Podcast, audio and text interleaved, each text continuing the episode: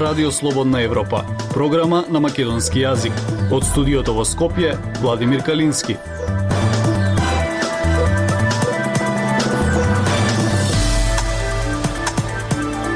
Почитувани ја следите емисијата на Радио Слободна Европа. 120 години Илинден, чествување на историјата среде политички поделби. Експертите поделени околу прашањето за доделување на старателство врз деца по развод. Северна Македонија и Балканот се високо на агендата на Кремљ според истражување на граѓанската асоциација Мост. Слушајте не. Радио Слободна Европа, светот на Македонија. Под слоганот 120 години Илинден, огниште на татковината, државата го прославува 2 август, денот на Илинденското востание и Крушевската република од 1903 година, како и првото заседание на Асном. Но и овој пат не изостанаа поделбите. Политичарите од власта упатија пораки за потребата за уставните измени и интеграцијата во Европската Унија. Опозицијата ги осуди дека договараат распродавање на македонскиот идентитет.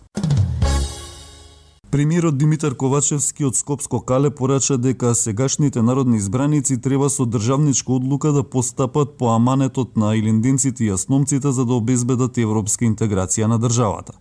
Председателот Стево Пендаровски од Прохор Пчински рече дека треба да се надминат разликите и сплотано да се почнат преговорите со Европската Унија. Собранискиот спикер Талат Джафери истакна дека политичките фактори во земјата се уште пред една голема и одлучувачка одлука – Лидерот на опозицијата, Христијан Мицковски, на Мечкинкамен во Крушево пак, изјави дека додека представниците на власта ги даваат овие изјави, договараат да го распродадат македонскиот идентитет. Вакви беа пораките на државниот врв на денешното одбележување на 120 годишнината од Илинден, еден од најважните празници за независност и самостојноста на Македонија, кога се одржуваат свечености на повеќе локации низ републиката. Пораките на политичарите од власта главно беа во насока на потребата за гласање на уставните измени за внесување на бугарите во преамбулата за да продолжи европскиот пат на земјата, на што се противи опозицијата и ваквите изјави ги оцени како предавнички. Меѓу првите кои се обратија на денешниот празник беше премиерот Димитар Ковачевски, кој што одржа говор на тврдината Кале во Скопје. И денес Републиката има потреба од нова државничка одлука на денешната генерација народни избраници, со што државата и граѓаните ќе продолжат по зацртаниот пат на напредокот. И денес е потребно да се свртиме кон аманетот, кој ни го имаат оставено и линденците и јасномците. Рече Ковачевски. Председателот на државата Стево Пендаровски се обрати во мемориалниот центар Аснов во Пелинце во манастирот Прохор Пчински. Пендаровски порача дека треба да се надминат разликите и како што наведе, и како што наведе да се сплотиме околу итно започнување на преговорите со Европската Унија, во спротивно дека ќе ги изгубиме младите кои се иселуваат. Од Мечкин камен во Крушево се обрати председателот на собранието Талат Джафери, кој рече дека европската идеја од пред 120 години од Крушевскиот манифест за слобода, обединување и просперитет е веќе на дофат. Сега, како што ви е верувам познато, Република Северна Македонија, граѓаните и во прв ред политичките фактори во земјата се пред уште една голема и одлучувачка одлука, дали ќе продолжиме напред кон евроатлантското интегрирање на земјата или ќе заглавиме на слепиот балкански колосек, рече тој. Во Крушево беше и председателот на ВМРО ДПМН Христијан Мицкоски, кој предводеше партиска делегација. Тој рече дека Илинден представува воделка како треба да живееме и како треба да ја чуваме државата во иднина. Денеска од представниците на власта ќе слушнете многу изјави, но додека ги зборуваат тие изјави пред медиумите, знајте дека под маса договараат дополнително да го распродадат македонскиот субстрат и македонскиот идентитет за ден повеќе во фотелите и ден повеќе да можат да ја плячкаат и крадат Македонија, рече Мицкоски. Сакате да знаете повеќе? Наша веб страница slobodnaevropa.mk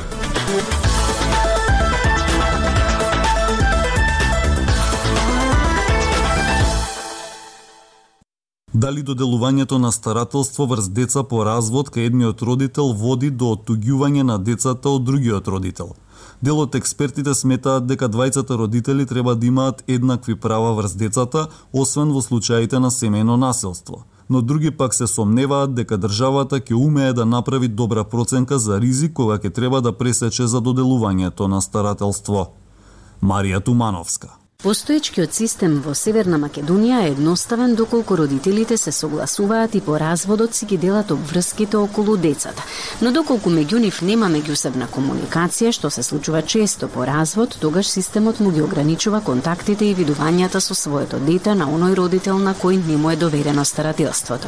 Законот е застарен и потребни се итни измени, смета дел од професорите по семено право, бидејќи како што поминува времето кога детето е доверено само кај едниот родител, изгуби секаква емоционална и физичка врска со одсутниот родител, кое понатаму е тешко да се искомпензира. Тука секако се исклучок случаите каде имало семено насилство или злоупотреба на вршење на родителското право. Туку судот треба да пресече. Вели за Радио Слободна Европа професорката по семено право Елена Игновска. Само во ситуација кога ќе се докаже дека има некаков проблем, на пример семено насилство кое треба да биде докажано со правосилна судска пресуда или други проблематични ситуации кои што го проблем проблематизираат родителот како неподобен да ги врши одговорностите, тогаш се носи судска одлука дали на другиот родител да му се дозволи заеднички да продолжи да ги врши родителските одговорности или пак треба делумно да му се одземат или ограничат родителските права, објаснува професорката Игновска. Од Националната мрежа против насилство врз жените и семејното насилство воелат дека воведувањето на еднакво старателство во развод би имало штетни последици врз жените и децата. Според нив необходно е да постои постојат јаки институции во земјава кои ќе го проценат ризикот при доделувањето на старателство, за да се заштити безбедноста на мајката и детето. Доколку се воведе заедничко старателство по развод, сметаме дека би се приминувал генерално без предходно да се направи соодветна проценка на сите ризици кои би довело до потенцијално штетни последици во насока на заштита на жените и децата. Дополнително моменталната терминологија како и концепти кои се јавуваат во определени иницијативи за овој заеднички модел на заедничко родителство, како како родителско отобјување или доделување на децата на жената, односно мајката, главно се темелат на родовите стереотипи кои владеат во едно општество и истите можат штетно да делуваат врз жените кои се жртви на насилство од страна на нивниот интимен партнер. Велат за Радио Слободна Европа од Националната мрежа против насилство врз жените и семејното насилство. Дайте ни 15 минути и ние ќе ви го дадеме светот. Слободна Европа.мк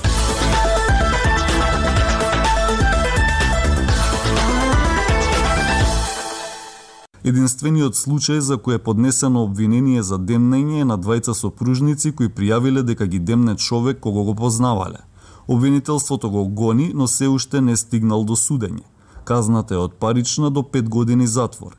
Кого можете да пријавите за демнење или кој е демнач? Анализа на Билјана Николовска. Секоја ситуација е уникатна и индивидуална, а ова е ново кривично дело кое жртвите треба да знаат да го препознаат и навреме да го пријават демначот.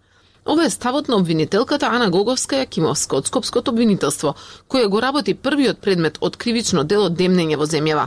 Новиот член 144а во кривичниот законник беше воведен во февруари годинава, како резултат на низата случаи на родово базирано насилство, кои се случуваа предходниот период – Со него се пропишани од парични казни до 5 години затвор и тоа повисоките затворски казни се определуваат ако делото е сторено врз човек со кој сте моментално или сте биле во интимна врска или пак врз дете. Според обвинителката, предметот на кој работи е по пријава од двајца сопружници кои биле прогонувани од познаник, кој започнал да им се меша во личниот живот и инсистирал да контактира со двајцата. Тоа се повторувало во неколку наврати, а според неа повторувањето на действото е основата за да постои демнење. Оштетените го имаат пријавено настанот, кој траел подолго време. Истите се охрабриле, ги приложиле доказите кои ги имаат кај нив, Важна е соработката, комуникацијата на јавниот обвинител со истражните органи. Сепак не сакаше многу да го коментира предметот, бидејќи се уште не е влезен во судница. Вели дека жртвите на истражителите им дале доволно докази од обидите за комуникација, но и видеоснимка која им ја испратил обвинетиот, тоа што следувал и претрез во неговиот дом и други простории кои ги користи значи мобилните телефони, СМС, тоест сим картиците кои биле користени за да се праќаат такви такви пораки. И тоа е се обезбедено во во овој предмет и истите се приложени како доказ. Во судот Вообичаени знаци на кои треба да внимаваат луѓето кои се сомневаат дека некој ги демне ги има повеќе. Првиот знак е кога демначот постојано се јавува, праќа пораки на социјални мрежи или е пошта и покрај тоа што ќе биде побарано да престане да го прави тоа. Може да испраќа несакани подароци или писма. Второ е кога демначот ги следи жртвите онлайн и офлайн. Непокането се појавува во нивниот дом или на работно место, покажувајќи дека знае каде се движат и го знае нивниот личен живот. Наметливо се однесува, хакира онлайн сметки, инсталира шпионски софтвери на нивните уреди или пак ја нарушува приватноста. Најчесто демначот користи социјални медиуми за да ги вознемири и заплаши своите жртви. Може да создаде лажни профили, да испраќа навредливи пораки, да шири лажни гласини или јавно да споделува лични податоци од жртвата. Не секоја жртва знаете, не е подготвена да го пријави насилството. Важно е да се работи со со жртвата, со оштетениот, важно е да се да се укажат можностите, правата, што понатаму следи. Кривичното дело демнење е инкриминирано и во Европската конвенција за човекови права и е дефинирано како обсесивно однесување на едно лице или група спрема друго лице, предизвикувајќи страв за неговата безбедност. Актуелности свет на Радио Слободна Европа. Обемот, фреквенцијата и интензитетот на забележаните наративи покажуваат дека Северна Македонија и Балканот се високо на агендата на Кремљ, вели Росана Алексова од граѓанската асоциација Мост – Според Мост, руските непријателски наративи во Северна Македонија во првата година од руската агресија врз Украина имале пет главни цели. Деталите ги има Емил Златков. Од почетокот на руската инвазија врз Украина, Русија спроведува влијание во Северна Македонија според така наречениот концепт на остра моќ, покажува најновата студија на граѓанската иницијатива Мост – во која се анализирани руската пропаганда, влијание и дезинформацијските наративи поврзани со војната во Украина, а присутни во онлайн просторот во Северна Македонија во периодот од март 2022 до февруари 2023 година. Таквиот концепт на остра моќ се наведува во студијата, особено се спроведува преку промовирањето на Словенско православно братство и користењето на црквата во тој поглед – Руското влијание го вовлекува населението во концептот на заеднички вредности со се словенски и православни браќа од Русија кои немаат ништо заедничко со западниот свет и Соединетите држави, со што се поттикнува отпор кон Европската Унија и кон НАТО, се наведува во студијата на Мост.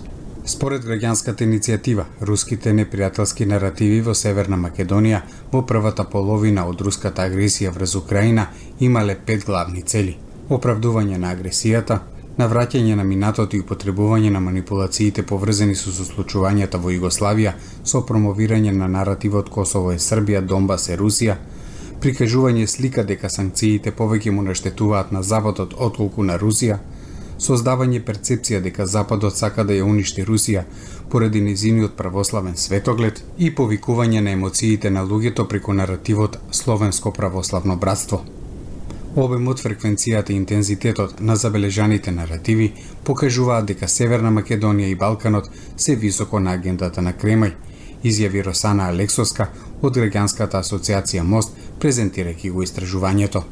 Кога се анализираат првите шест месеци од војната, се чини дека интересот на Кремљ беше да промовира наративи кои ја прикажуваат Украина како губитник – дека војната ќе заврши победнички за Русија и дека Западот е одговорен за неиспровоцираната и неоправдана руска агресија врз Украина. Периодот на вторите шест месеци означува промена на тактиката на Кремљ, од воени во религиозни наративи. Беше забележан постојан и обемен напор за промовирање на силните пријателски и братски врски меѓу русите и македонците, со православието и црквата како главни столбови, наведуваат од мост.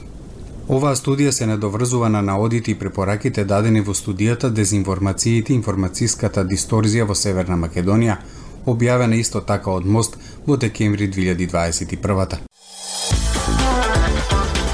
Почитувани слушатели, тоа е се што ви подготвивме во оваа емисија. Од студиото во Скопје ве поздравуваат Владимир Калински и Дејан Балаловски.